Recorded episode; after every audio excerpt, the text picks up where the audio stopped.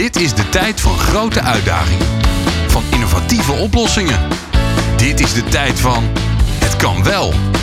Dit is onze tijd. Een podcast van TNO met Glenn van der Burg. Moderne auto's nemen steeds meer taken over van de bestuurder. Binnen de lijnen van de snelweg blijven, automatisch afstand houden en natuurlijk, die kennen we allemaal, cruise control. Maar stel dat er in de toekomst volledig zelfrijdende autonome auto's zijn. Welke mogelijkheden biedt dat eigenlijk? Je hebt misschien helemaal geen parkeerplaats meer nodig voor de deur. En misschien heb je zelfs helemaal geen auto meer nodig. Want je wordt toch wel opgehaald door een auto met chauffeur. Klinkt als verre toekomst. Of toch niet?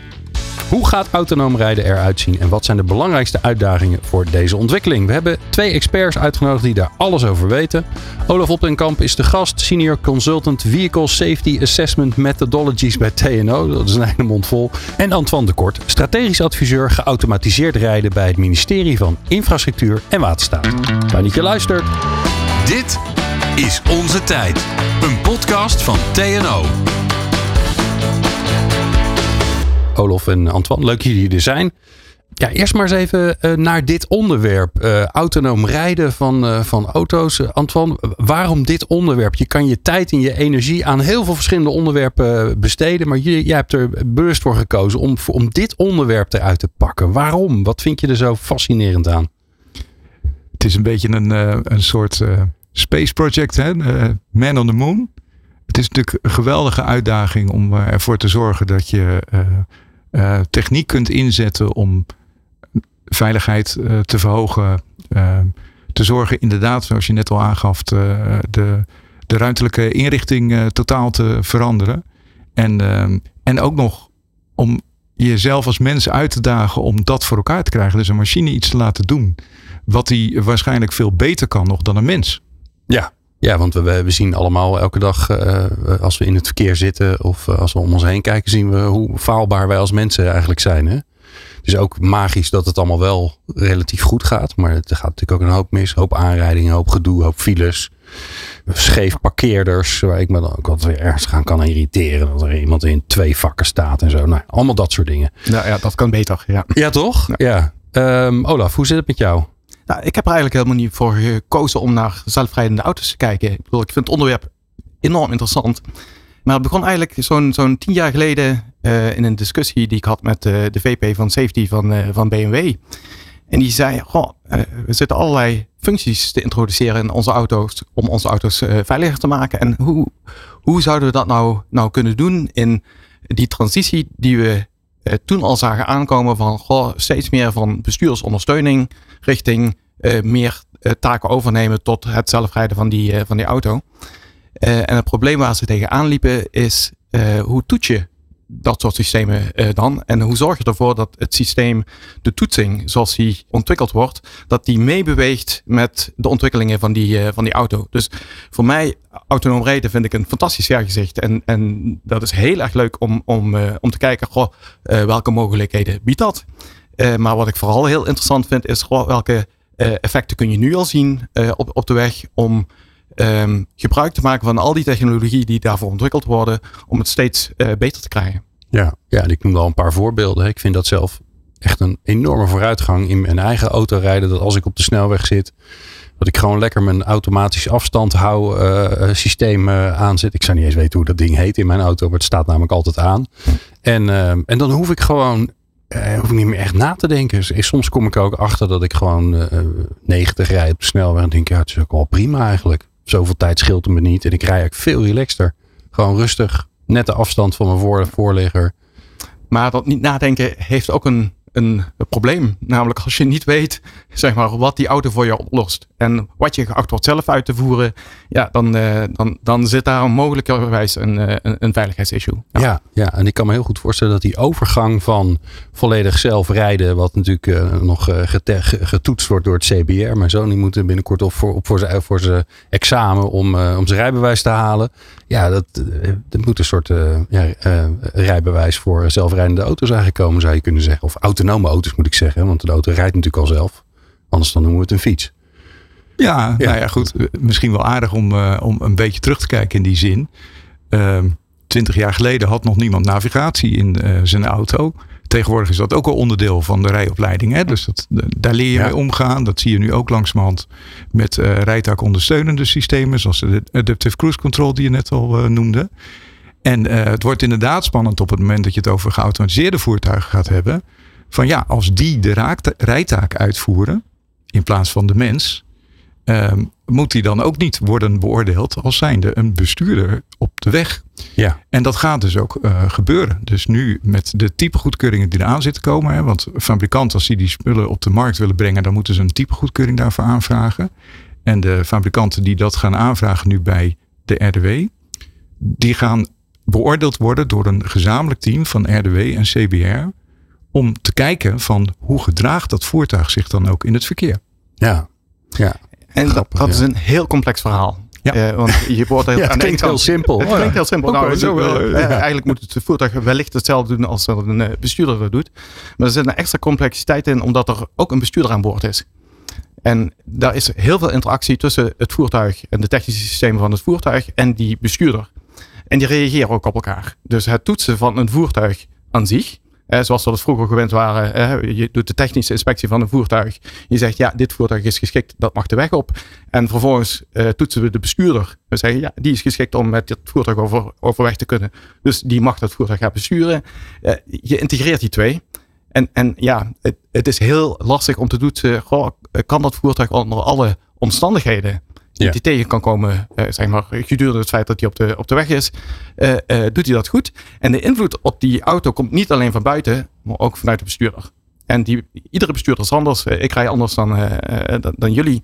Dus ja, hoe daarmee om te gaan, ook in die toets, eh, eh, als, als rijtoets voor de, voor de auto, dat is eh, nog geen uitgemaakte zaak. Nee, dat, Nee, snap ik- dat snap ik. misschien Die overgang ja. interessant is, Antoine. Nou, wat heel leuk is om, eh, om je te realiseren, is dat veel van de verkeersregels waar je dus aan moet houden, die zijn ontwikkeld vanuit het perspectief van een mens die eh, stuurt of die deelneemt aan het verkeer.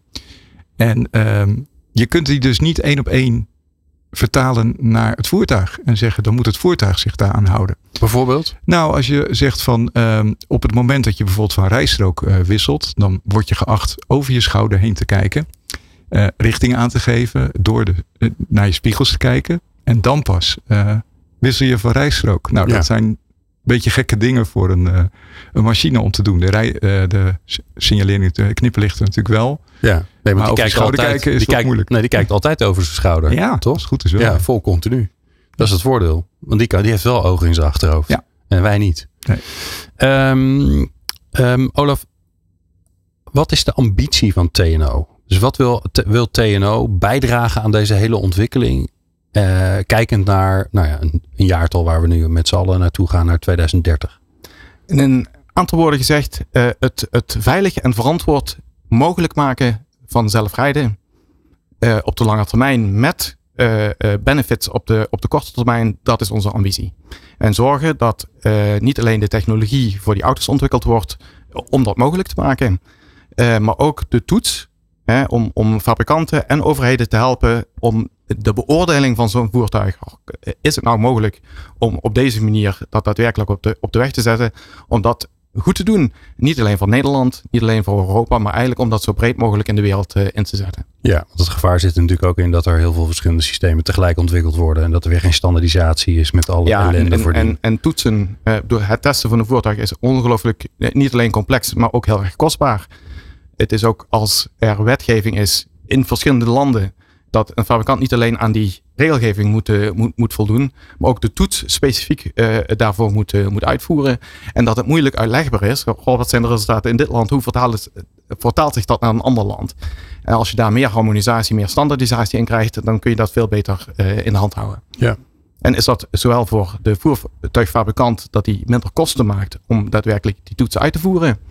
Eh, en voor de overheden die eh, makkelijker en beter inzicht krijgen in wat zijn nou de echte capabilities van zo'n voertuig. Want En dit- dan dit 2030? Ja, dit wordt heel spannend. Want wat je nu ziet is dat er dus geharmoniseerde regelgeving is gekomen in Europa. Om die voertuigen en die systemen op de markt te brengen. Dus dat betekent dat er aan de technologiekant ehm, een heel strak kader is gezet om waar moeten die systemen aan voldoen om veilig te zijn. Nou, De beoordeling ervan is geen gemakkelijke opgave. Dat is waar, eh, waar Olaf en uh, TNO ook uh, volop op zitten om daarin mee te denken van hoe beoordeel je dat dan goed, zodat je met ehm, ja, voldoende mate van zekerheid kan zeggen, die systemen kunnen veilig de weg op. Maar dan ben je er inderdaad nog niet, want dan moet je het inpassen in die nationale verkeerssystemen. En die zijn per definitie in elk land weer anders. Zelfs regionaal of lokaal kan dat nog heel erg verschillen. Hè? We weten dat de rijcultuur in elk land anders is. De verkeersborden zijn anders. De weginrichting is anders. En hoe hou je met al die dingen rekening? En wij vinden het dus heel belangrijk om het in Nederland in ieder geval te laten slagen. Dat dus ook wordt gekeken naar die typisch Nederlandse verkeerssituaties. Denk aan fietsverkeer, voetgangers, rotondes, spitsstroken. Die zien er ook weer bij ons net weer anders uit dan in andere landen. Ja. En dat wordt, dat wordt voor uh, zeg maar 2030 echt een grote opgave. Zeker die menselijke factor lijkt me dan heel spannend. Hè? Hetzelfde als ik in Italië rijd. Die hebben gewoon de neiging om heel erg tegen de linkerkant aan te rijden. Uh, terwijl wij andersom, hè, wij hebben juist de neiging om tegen de rechterkant van de weg aan te rijden. Ik heb ooit begrepen dat, dat Duitsers geleerd wordt uh, om midden op de weg te gaan rijden. Hè. Dus op de middelste baan. Moet je maar eens opletten. Als je, als je Duitsers ziet rijden in Nederland. Die rijden bijna nooit op de rechterbaan. Want de rechterbaan in Duitsland is gewoon voor de vrachtwagens. Ja, is de gedachte. Ja. En in Nederland denk je, ja, ga eens recht rijden. Joh. Dat is toch levensgevaarlijk wat je aan het doen bent. Maar dat is inderdaad cultuur. Uh, soms zijn het ook echt ongeschreven regels. Hè? Dus bij hulpdiensten bijvoorbeeld.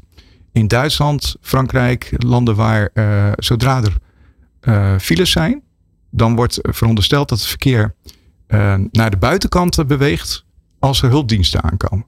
En in Nederland verwacht je juist dat die hulpdiensten over, over de vluchtstrook gaan. over de ja. vluchtstrook. Ja, ja. Dat is, ja. En dan moet je dan allemaal met je geautomatiseerde systeem rekening mee houden. Van, oh, ik ben nu ergens anders, ik moet het anders doen. Ja, en die auto gaat de grens over. Dus je heeft dan een, een nieuwe set. Ja, ja die moet ineens, die moet ineens een hele nieuwe cultuur in zich hebben. Ja. Uh, ik hoor jullie eigenlijk allebei helemaal niet spreken over uh, of dit gaat gebeuren. Dus we gaan naar autonoom rijdende voertuigen toe. Antoine. Ja, het antwoord is ja, sowieso.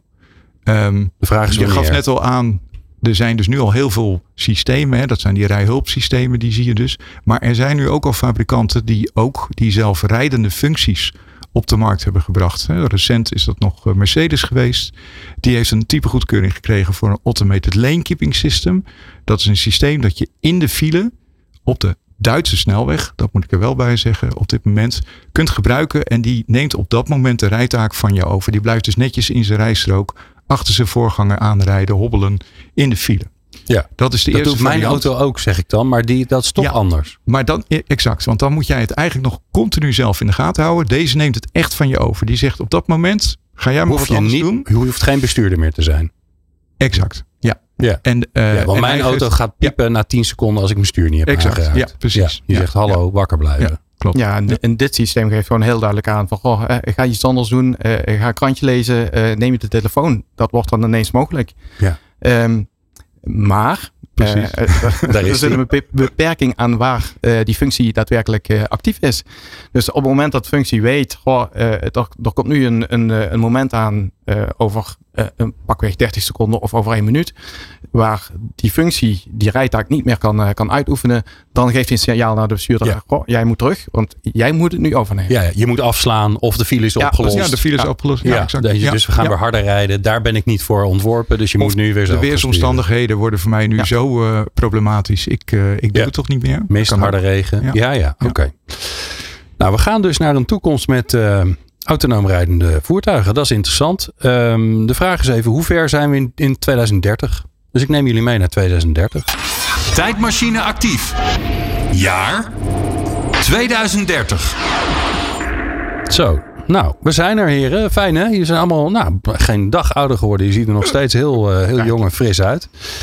Ik ook. Ja, dankjewel dat jullie dat ook even voor mij zeggen. Um, het is 2030. Uh, hoe ziet de wereld eruit, Antoine? We kijken om ons heen. Er komt net een auto voorbij. Ja, hier op het Mediapark. Dat is zag, leuk. Zag jij het? Ja. Het zien? Rijdt hij eigenlijk al autonoom? Dat, ik, zag, ik was niet Viel aan het opletten. Op, nee. Viel niet op. Nee. Nee, Vertel. dat is al de eerste vraag. Uh, kan je het eigenlijk wel zien of die geautomatiseerd is of niet? En Aha. of die op dat moment in een geautomatiseerde modus stond. Ja. En is dat belangrijk? Oké. Okay. Ja, dus die auto ziet eigenlijk over, ze, over in, nu nog steeds hetzelfde uit. Het is nog steeds, er zit iemand achter een stuur. Dat is ook je zult zien dat met name de, eh, als we het hebben over personenauto's en functies die daarin zitten, dat in het topsegment veel auto's met geautomatiseerde functies uitgerust zullen zijn. Ehm, maar dat zie je dus niet aan de buitenkant of nauwelijks. Als je heel goed kijkt, als je een deskundige bent, dan weet je wel van, oh ja, kijk, daar zit zo'n sensor. Daar kan je het aan de buitenkant een beetje zien, maar voor de rest zie je er weinig aan. Ja. En eh, we kijken hier natuurlijk nu op een straat uit. Dat is binnen de bebouwde kom. Nou, ik denk niet dat je daar al direct eh, die toepassingen zult zien. Dat zal toch echt beperkt blijven in eerste instantie tot snelwegen of autowegen die ja, overzichtelijk zijn. En eh, Ja, veel, niet veel altijd complex rechtdoor. is. Ja, exact. Ja, ik vind het Ja. heel fascinerend om te zien dat je nu eh, eh, shuttlebussen ziet die, waar geen operator meer in, eh, in, in zit. Eh, dat je vrachtwagens s'nachts ziet, eh, ziet rijden die spullen vervoeren over de, over de snelweg van de haven naar, naar de, de diverse distributiecentra. Ja, En da- daar zit, die en rijden al autonoom. Daar, zit niet eens een cabine meer op. Oh, dat is gewoon een rijdende container. Ja. God, dat is wel even, even heel anders, Olaf. Dat ziet Ja. er even heel anders uit. Ja. Wat is er? eh, Een snelweg, daar zie je dus veel aan. Het is nog niet zo dat alles vanzelf gaat. Nee. Kan ik al een auto voor de deur bestellen? Dus ik, eh, ik heb een appje en eh, nou, zoals nu een Uber waar de, een meneer of een mevrouw in zit. Maar dan krijg ik gewoon, zoals we dat voor auto wel eens de, de horizontale lift hebben genoemd. Kan ik al een auto bestellen, die komt voor de deur en dan stap ik in en dan rijdt die weg? Is dat nog een beetje te vroeg? Ik denk het wel. Ik denk dat het heel kleinschalig op plekken, denk aan bijvoorbeeld een luchthaven of zo. Of een, ehm, nou, een groot activiteitencentrum waar wat dingen zijn. Dat mensen Ja. eh, nou, ja, bijvoorbeeld eh, nog een kleine afstand tot een, eh, een hub moeten afleggen. Dat daar wel vormen van Ja. geautomatiseerde, Controleerbaar. OV-achtige of shuttle-achtige diensten ontstaan. Dat wel. Maar dat is allemaal nog kleinschalig. Ja. Omdat het zo complex is met die, die omgeving. Hè? Omdat je daar zoveel bewegingen ook omheen hebt. Ja. En eh, ja, Oké. Wat, wat, wat is er, eh, los van dat die auto's op sommige momenten autonoom rijden en dat we dat eigenlijk niet eens, nog niet eens zien. Behalve dan die vrachtauto's die geen vrachtauto meer zijn, maar een rij- een rijdende container. Een container met wielen. Meer hebben we niet nodig. Ehm, wat is er veranderd in de maatschappij? Wat is er gebeurd met de verkeersveiligheid? Wat is er gebeurd met hoe we kijken naar vervoer?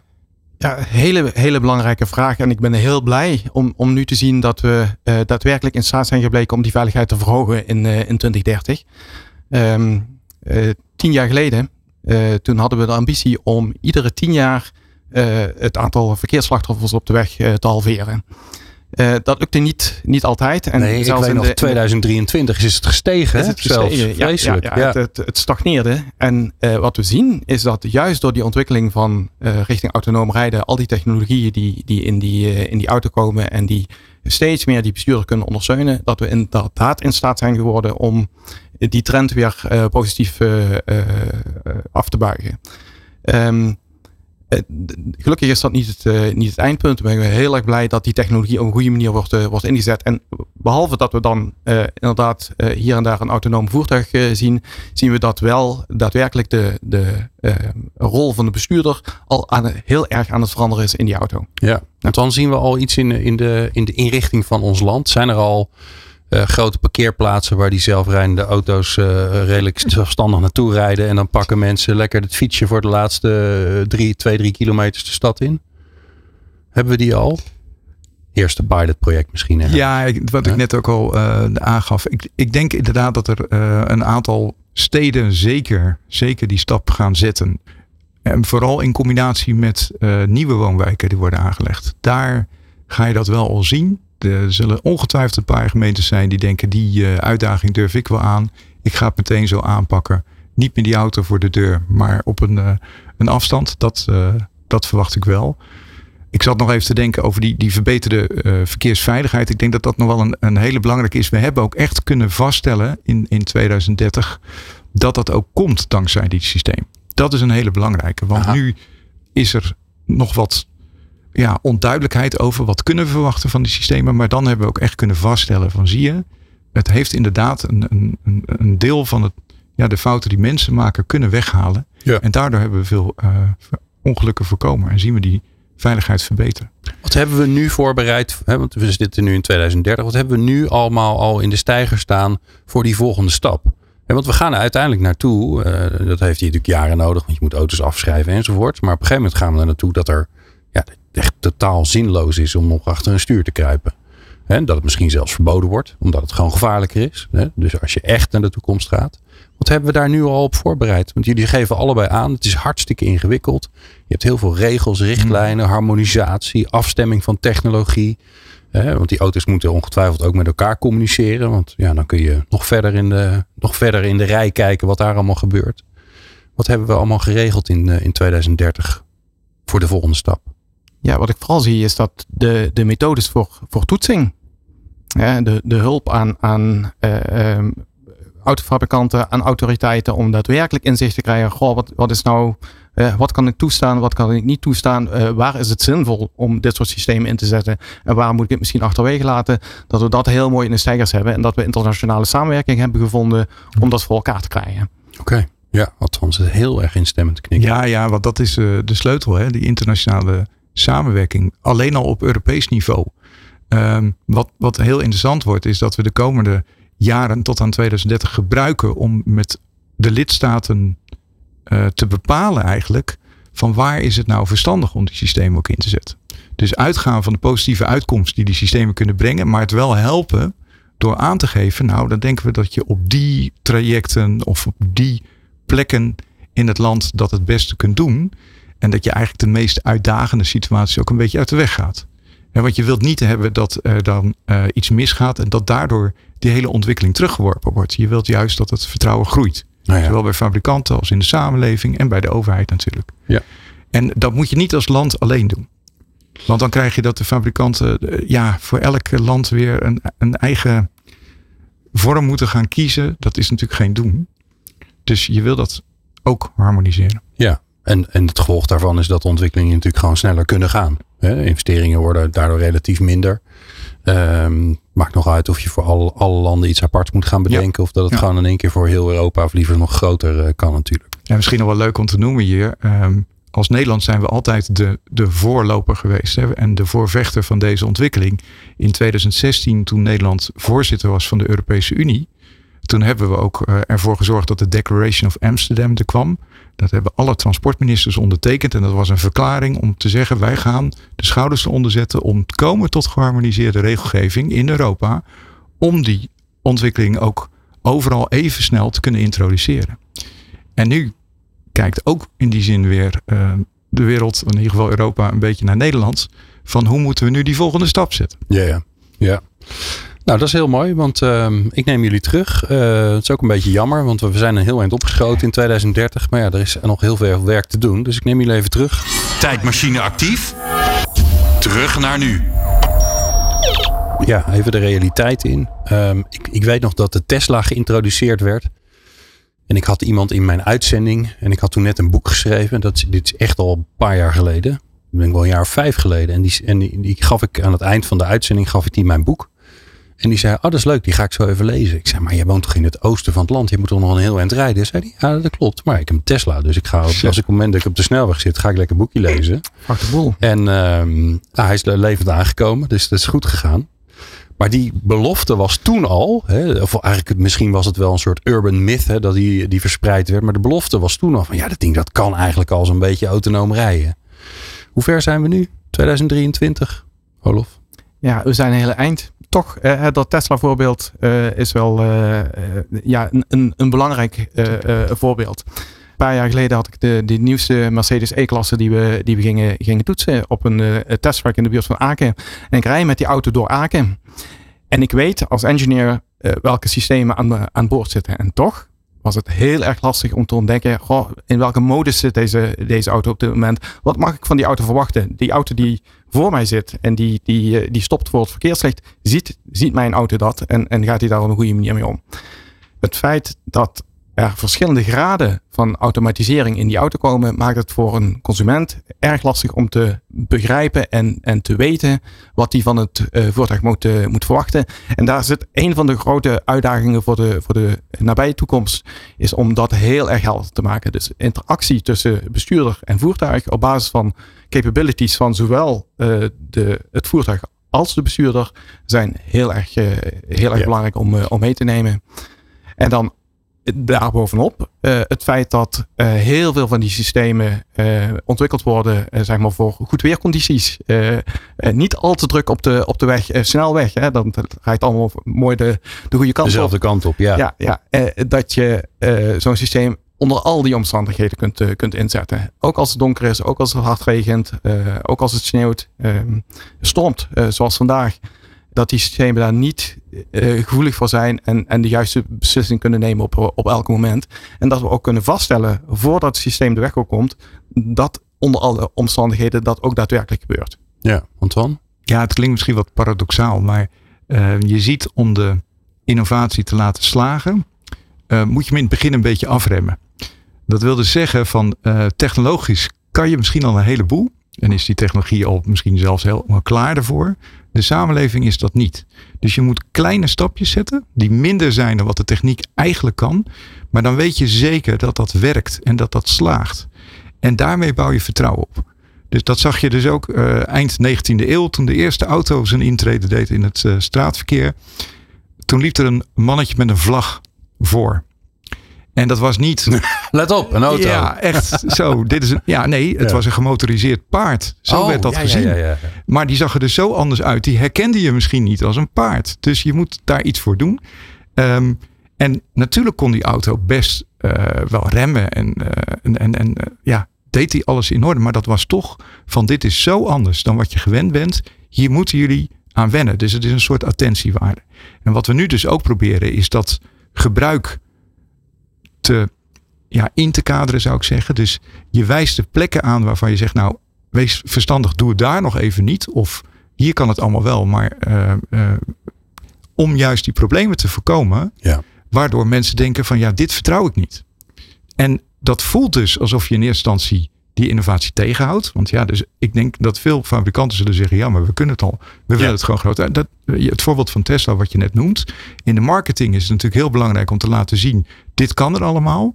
Maar dat wil niet zeggen dat je dat in de praktijk ook overal in die ruime mate wil, uh, wil toelaten. Je wilt, je, en je moet ook als fabrikant, denk ik, eerlijk zijn over waar die beperkingen zitten. En, en scherp zijn.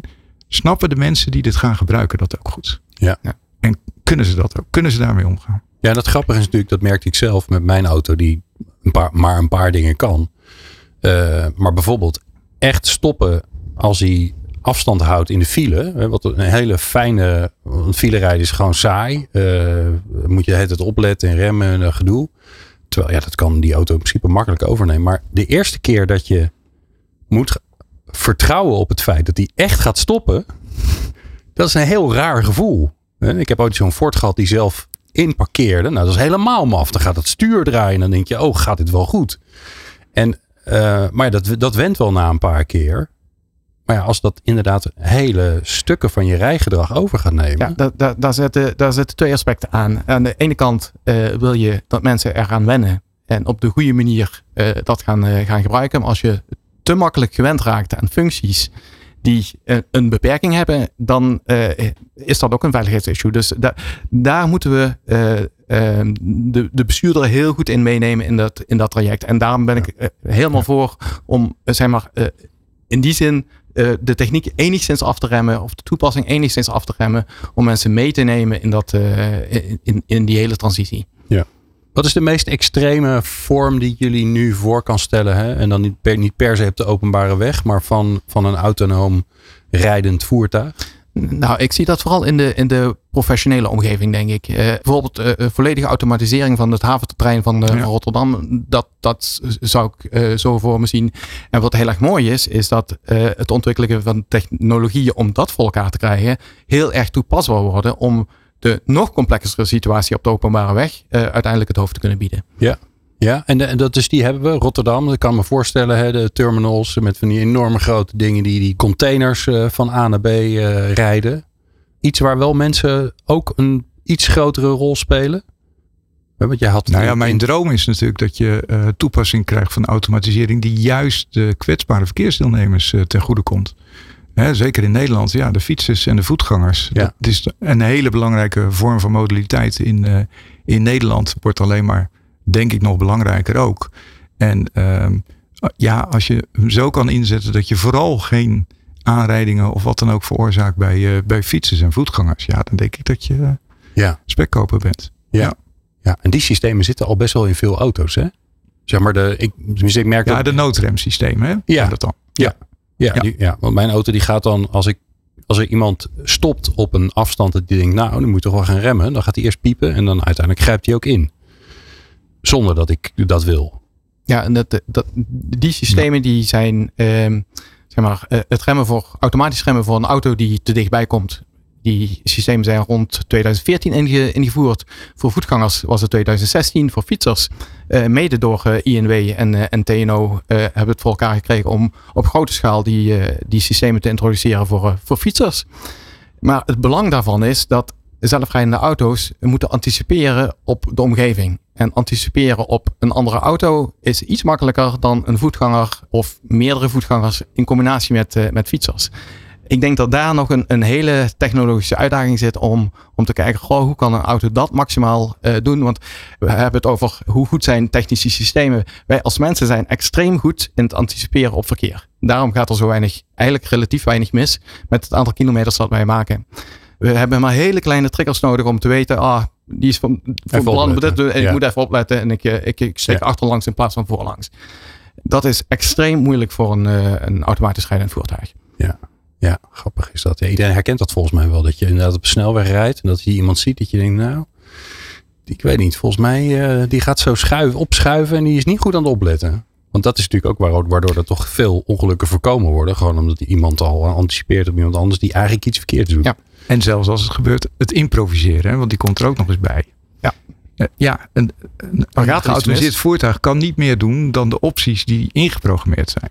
Terwijl als mens ben je altijd in staat om toch nog weer iets heel geks uh, te bedenken. Je zou bij wijze van spreken als het moet de stoep op kunnen duiken hè, met je auto. Als, ja, ja. en, iets geks en tegen de verkeersregels in te gaan. Precies. Ja. Ja, of de afweging te maken in een split second. Ik moet ergens schade aan toebrengen. Wat ga ik doen? Toch? Dat, dat, eh, dat zijn toch ook hele grote uitdagingen die er nog in zitten. Dat er alle ethische vragen opkomen. Van ja, wat, wat als een zelf, eh, als een autonoom voertuig moet kiezen, uh, rij, ik, uh, ja. rij ik iemand aan of, of ga ik de stoep op met die kans? Uh, oh man, nou hou op. Daar, maar daar elke ontwerper die begint altijd met het idee van hoe kan ik dat voorkomen? Dat ik in die situatie beland. Dat is wel heel belangrijk. Want ja. we kunnen heel lang blijven hangen in zo'n discussie inderdaad. Van wat zou je dan doen? Maar de, de kracht juist van de, de engineers, van de ingenieurs is juist om die situaties al voor te zijn. Ja. Ja, dus, uh, en dat is ook de belofte toch, die er gelijk is. Daarom, dat is hem weer. Ja.